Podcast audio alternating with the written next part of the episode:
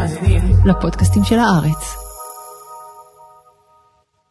לפני 30 שנה, בפברואר 1992, התכנסו מנהיגי 12 מדינות אירופיות בעיר מסטריכט שבהולנד, וחתמו על האמנה שהובילה להקמת האיחוד האירופי.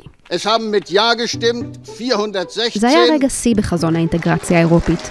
חזון של שיתוף פעולה, דמוקרטיה וצדק, שנועדו למנוע מלחמה גדולה נוספת על אדמת היבשת. שלושים שנה אחרי, האיחוד האירופי גדול יותר והומוגני פחות. כיום חברות בו 27 מדינות, והן מתקשות במקרים רבים למצוא מכנה משותף. לאחרונה הקושי הזה בלט במיוחד. במשך שבועות רבים האיחוד האירופי התקשה להציג אסטרטגיה מגובשת לניהול המשבר מול רוסיה. במקביל, ההתחזקות של מפלגות אירוסקפטיות ברחבי היבשת וכרסום במשטרים הדמוקרטיים בכמה מהמדינות החברות מציבים לו אתגרים חדשים, שיכולים להביא לשינוי אופיו בשנים הקרובות. היי, אני רחל גולדברג ואתם על חוץ לארץ, פודקאסט חדשות החוץ של הארץ. בכל שבוע אנחנו מדברים על סיפור חדשותי אחר מהעולם הגדול.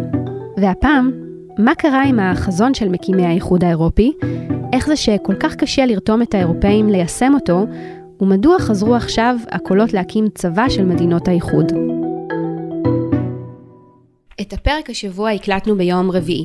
בלילה שבין רביעי לחמישי, פוטין ורוסיה פתחו במבצע צבאי רחב היקף ממספר חזיתות על אוקראינה. את הפעולות הבאות, הגינויים והסנקציות הנוספות שעשויות לצאת מהאיחוד האירופי, נדע ככל שהאירוע יתמשך. שלום לדוקטור שרה כהן ניסר, מרצה בכירה במחלקה לסוציולוגיה, מדע המדינה ותקשורת באוניברסיטה הפתוחה, ומחברת הספר האיחוד האירופי, היסטוריה, מוסדות ומדיניות. שלום. מוקדם יותר השבוע האיחוד האירופי הכריז על סנקציות נגד אה, רוסיה, אבל ההודעה הזאת הגיעה אחרי שבועות של גרירת רגליים, שבהם הוא לא הצליח להציג אסטרטגיה מאוחדת וברורה לניהול המשבר הזה. מה זה אומר על האיחוד האירופי, הישות הפוליטית הזאת שחוגגת עכשיו 30? נכון מאוד, אה, וזאת על אף העובדה שהיציבות בשכונה הזאת שנמצאת ממזרח לאיחוד האירופי, היחסים בין רוסיה ואוקראינה, אה, הם נושא ממש קיומי עבור אה, האיחוד האירופי, והאיחוד האירופי, ראשיו ומוסדותיו מבינים את זה היטב, ולמרות זאת, אכן יש איזשהו קושי בגיבוש עמדה שמוסכמת על אה, כל המדינות החברות באיחוד האירופי. המשבר הזה חושף בצורה אה, מאוד מאוד חריפה איזשהו קושי מאוד יסודי אה, בפרויקט של האינטגרציה האירופית. והוא הקושי לגבש אינטרס אירופי משותף. זאת אומרת, ההתנהלות בתוך המשבר הזה נעשית מתוך האינטרסים הלאומיים של כל אחת ממדינות האיחוד האירופי בפני עצמה. אין כאן לא ניסיון ובוודאי לא הצלחה לגבש אינטרס אירופי משותף למול המשבר הזה, או יעדים אירופיים משותפים אה, למול המשבר הזה. וזה באמת חושף את העובדה שיש מחסור באינטרס אירופי אה, סגולי, שהוא שונה מסך הכל האינטרסים של המדינות אה, החברות באיחוד האירופי, או מהמכנה המשותף הנמוך ביותר. בין המדינות שחברות באיחוד האירופי. והמשבר הזה הוא באמת דוגמה מאוד, אה, מאוד חריפה וקיצונית אה, להיעדר האינטרס המשותף. אז כדי להבין את הקושי הזה וגם את ההצלחה הלא מבוטלת של האיחוד האירופי, צריך לחזור 30 שנה אחורה לעיר מסטריכט, שם בעצם הוקם האיחוד. מטרת העל, כמובן, של כל פרויקט האינטגרציה האירופית מיום היוולדו, זה כמובן אמ, יצירה ושימור של שלום באירופה אחרי שתי מלחמות עולם הרסניות. האיחוד האירופי הוא בראש ובראשונה אה, פרויקט בניית שלום. ומצד שני, לכונן איזושהי אה, מדיניות חברתית. זו הייתה המטרה כפי שניסח אותה דלור, אה, נשיא הנציבות. עבור כל אחד מראשי מדינות אירופה היו, לצד שתי המטרות האלה שהחשיבות שלהן השתנתה עבור כל אחד מהם, כל אחד בא אל הוועידה הזאת עם סל המטרות שלו, אה, כל בא לוועידה הזאת במטרה להשיג לגיטימציה לגרמניה המאוחדת, אה, להראות שגרמניה המאוחדת היא לא איזה מפלצת לאומנית שתשב עכשיו בלב אירופה ותאיים על היציבות ועל הביטחון של כל שכנותיה. הוא רצה גם לקבל סיוע בצמצום הפערים בין מזרח גרמניה לבין מערב גרמניה. מיטרן מצידו רצה אה, להשתמש בהעמקת האינטגרציה האירופית כדי לרסן את אה, גרמניה המאוחדת, כדי לוודא שהיא לא אה, תצבור עוצמה אה, לא כלכלית ולא אחרת, אה, ברמה שתאיים על צרפת, אה, שתיצור אה, סכנה ל... ליציבות האירופית שהושגה בעמל רב. בריטניה מצידה רצתה להביא להתרחבות האיחוד האירופי.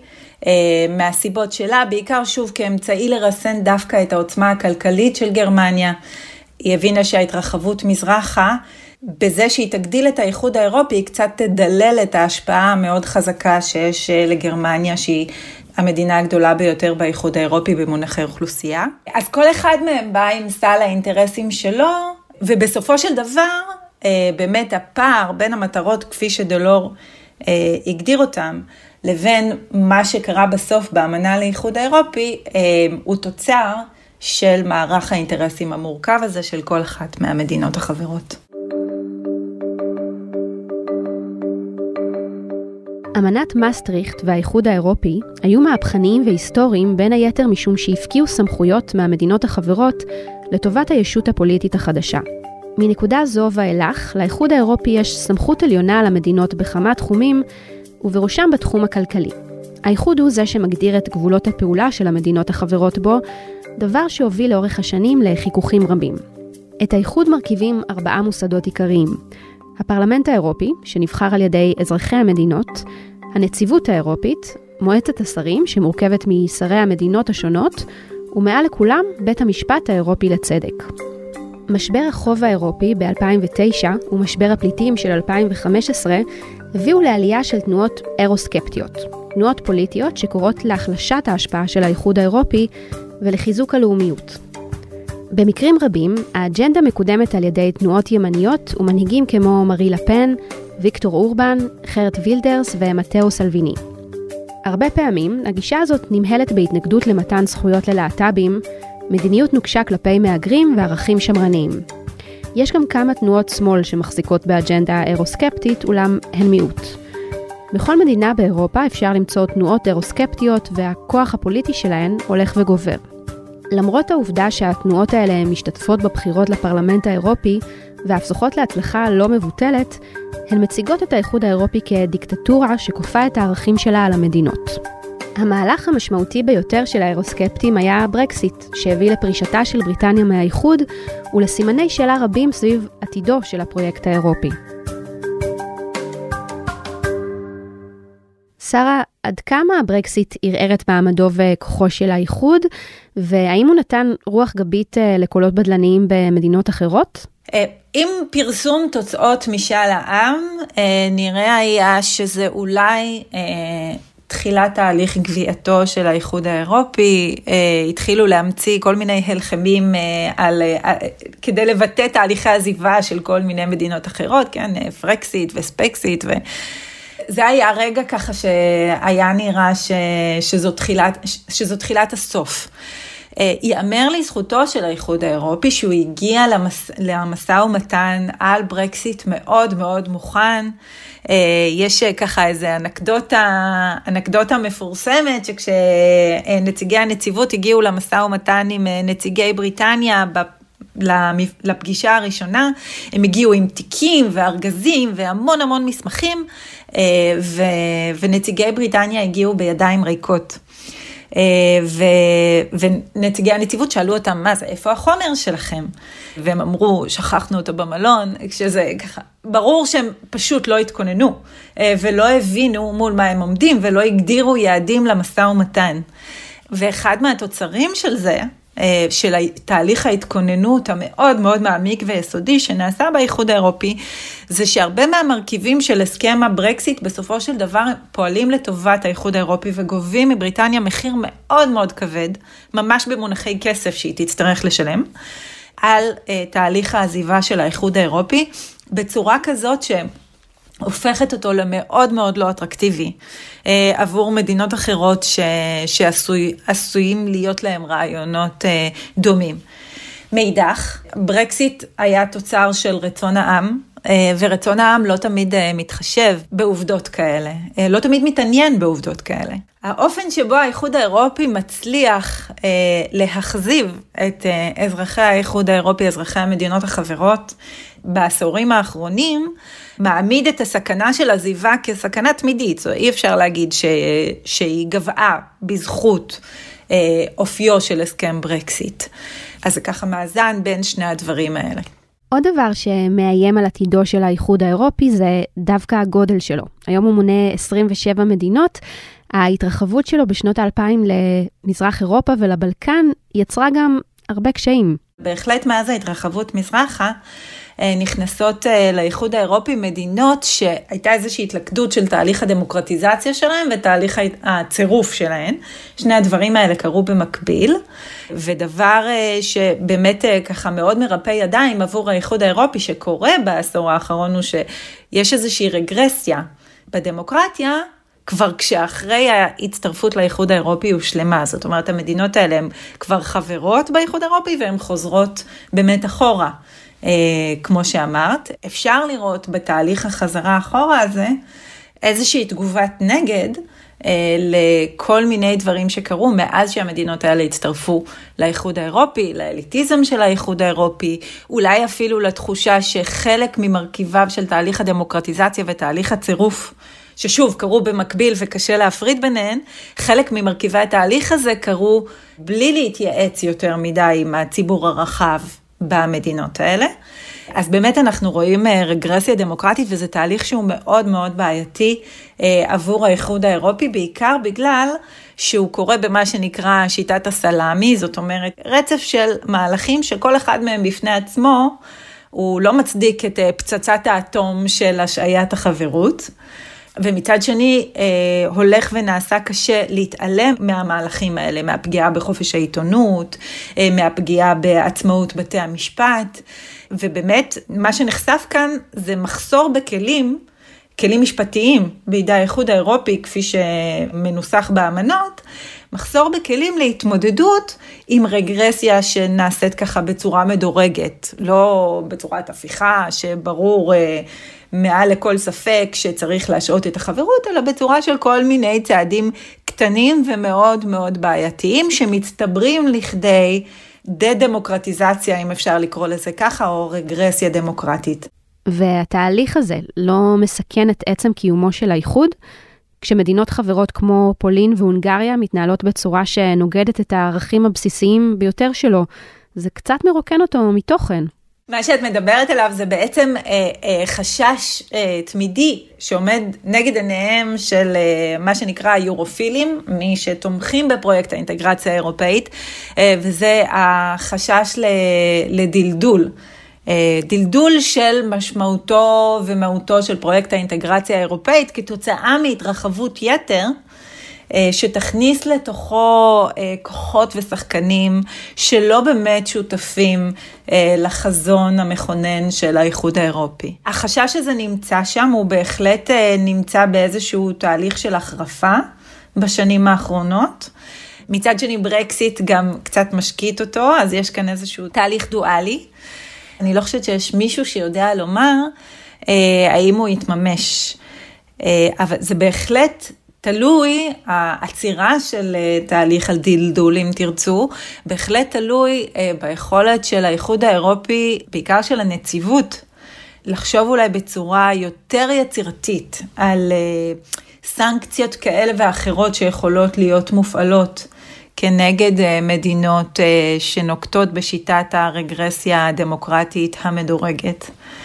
אני לא חושבת שמאוחר לעצור את התהליך הזה, אני חושבת שהוא בהחלט הפיך, וצריך אה, לחכות ולראות. השולחן של הנציבות מאוד מאוד עמוס בימים אלה עם הקורונה, וה... אז אה, צריך לראות אם הם אה, באמת יצליחו לגבש שם איזשהו מהלך אפקטיבי. D'emblée, je voudrais me féliciter du caractère démocratique du principe de l'audition des nouveaux commissaires devant le Parlement européen. Ensinnäkin haluan onnitella parlamenttia siitä, että on luotu... החזון הליברלי-דמוקרטי שעמד במוקד הקמת האיחוד האירופי הוא עדיין קיים לאור התמורות במדינות שמרכיבות את האיחוד והאתגרים שהוא מתמודד איתם? זאת שאלה טובה, אני חושבת ש, שבהחלט כן, אבל עצם הסיבה שמעלים את השאלה הזאת, היא, היא אומרת הרבה מאוד. זאת אומרת, אם אנחנו מדברים על 30 שנה לאמנת מסטריכט, בימים שאמנת מסטריכט גובשה, האמונה הרווחת הייתה שהגענו לקץ ההיסטוריה, שהחזון הליברלי-מערבי קפיטליסטי ניצח ולא יהיו יותר כוחות משמעותיים אה, שיעמדו נגדו, ומה שאנחנו נראה זה תהליך אה, התפשטות. אה, מאוד מוסכם ומדורג של החזון הזה בכל רחבי העולם, מבלי שיהיו לו מתנגדים. והיום החזון הזה הוא, הוא מעורר גיחוך. בגלל שאנחנו רואים שכוחות שמתנגדים לו עולים כל הזמן. אם uh, בתחילת המאה ה-21 uh, היה לנו את הקול הג'יהאדיסטי, uh, היום יש לנו את סין ש, שמציבה את עצמה בזירה הבינלאומית בביטחון עצמי הולך וגובר, ובשאפתנות הולכת וגוברת.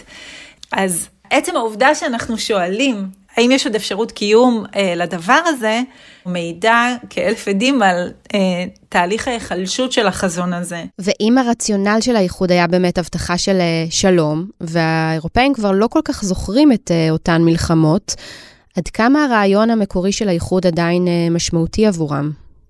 הכוח של, של רתיעה ממלחמה ככוח מניע פוליטי, כמניע אג'נדה פוליטית, מאוד מאוד תלוי בחיות של זיכרון המלחמה. מי שלא חי אף פעם מלחמה, אה, לא יודע באמת עד כמה היא נוראה ואיזה מחירים היא גובה, אה, לא רק מהחיילים בחזית, אלא גם מהעורף האזרחי.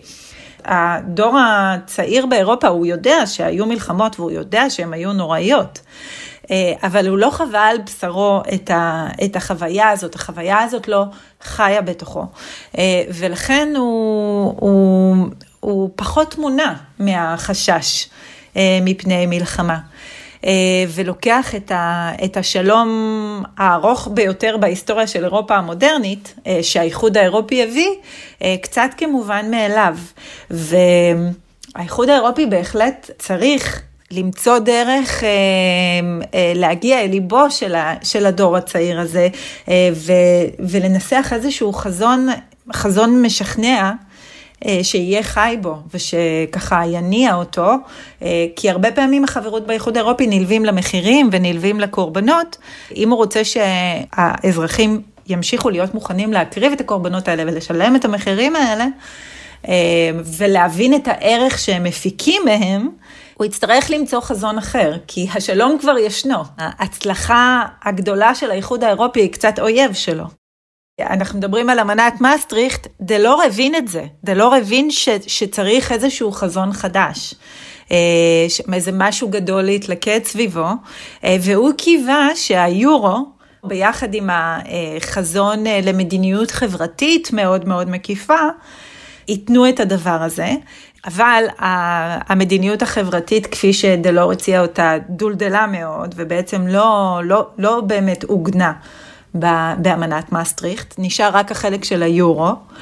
החלק של היורו היה הרבה פחות עוצמתי ממה שקיוו שהוא יהיה, ואם זה לא הספיק, אז כמובן באו המשברים של 2008 עד 2010, וככה אה, סגרו את הגולל על התקווה שהמטבע הזה יוכל להיות הדבר הגדול אה, להתלכד סביבו, להפך, הוא הפך להיות מקור לחילוקי דעות מאוד מאוד חריפים בתוך האיחוד האירופי.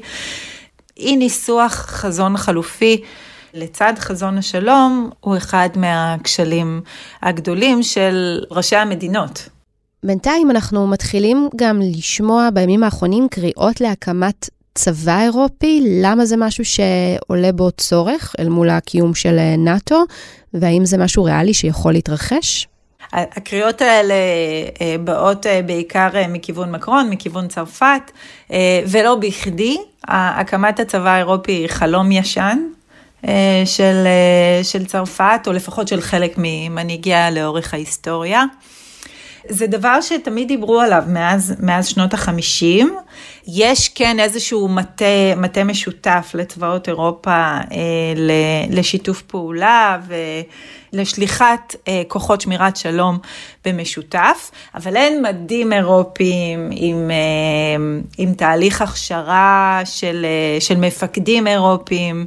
זה אולי בעצם החלום שחלק ממנהיגי צרפת ניסחו לאורך ההיסטוריה. אני חושבת שזה עולה עכשיו באמת למול המשבר אה, בין רוסיה ואוקראינה, וההבנה ש, שהאיחוד האירופי, מה שמכונה punched below its weight, זאת אומרת לא הצליח להביא את עוצמתו וחשיבותו לידי ביטוי על הבמה הבינלאומית למול המשבר הזה. ואיזשהו תסכול סביב הדבר הזה ואיזשהו רצון אה, כן לבטא את העוצמה האירופאית גם במישור הצבאי.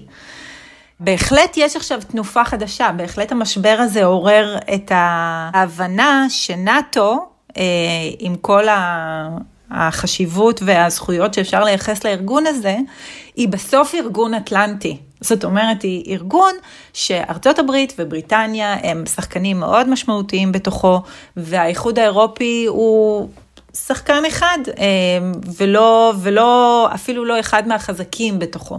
אז אם רוצים אה, לבטא את העוצמה האירופית אה, בזירה הבינלאומית באמצעים צבאיים, נאט"ו הוא בהחלט אה, הוכיח את עצמו כארגון שלא יכול להשיג את המטרה הזאת. ואם רוצים להשיג את המטרה הזאת, אה, שיתוף פעולה פנים אירופי הוא כנראה הנתיב היותר מבטיח. אבל ההיסטוריה האירופית מוכיחה לנו שחזונות וחלומות ותוכניות יפות לחוד וביצוע לחוד. אז זה שמדברים על זה, זה, זה לא, ממש לא הבטחה לכך שזה באמת יתממש. זה לעשות דברים הפוך, כי אנחנו יודעים שצבאות לאומיים הוקמו לאורך ההיסטוריה, אחרי שכבר הייתה זהות לאומית מגובשת, כביטוי לזהות הלאומית, או כאיזושהי דרך גם להמשיך ולקיים אותה. אה, אבל פה אין לנו זהות לאומית, אה, ובאמת לא ברור סביב מה הצבא הזה יתגבש, עוד יותר מזה, אם אין לנו אינטרס אירופי משותף סגולי שהוא לא יותר מסך כל האינטרסים, בשם איזה אינטרסים ויעדי מדיניות חוץ הצבא הזה יפעל. ועוד, ועוד איזושהי סתירה שאפשר לראות בחזון הזה, זה אם אנחנו מדברים על פרויקט בניית השלום המצליח ביותר בהיסטוריה, איך זה מסתדר עם הקמת צבא ועם שימוש באלימות פיזית ועם לפעמים צורך ליזום מלחמה. יש כאן איזושהי סתירה פנימית אה, שהיא, שהיא מאוד בעייתית. היא, היא לא, מורכבת, נאמר כך. אז את חושבת שהאיחוד האירופי יהיה פה עוד 30 שנה? אני חושבת שכן. זאת אומרת, אה, אני ממש, אה, זה, זה ממש טיפשי מצידי להתנבא, אבל, אה, אבל אני חושבת שכן, אני חושבת שהוא כאן כדי להישאר. הוא עשוי לשנות צורה, יעזבו, יצטרפו, ייתכן, אבל אני חושבת שהוא כאן כדי להישאר. דוקטור שרה קאן ניסר, תודה רבה. תודה לך.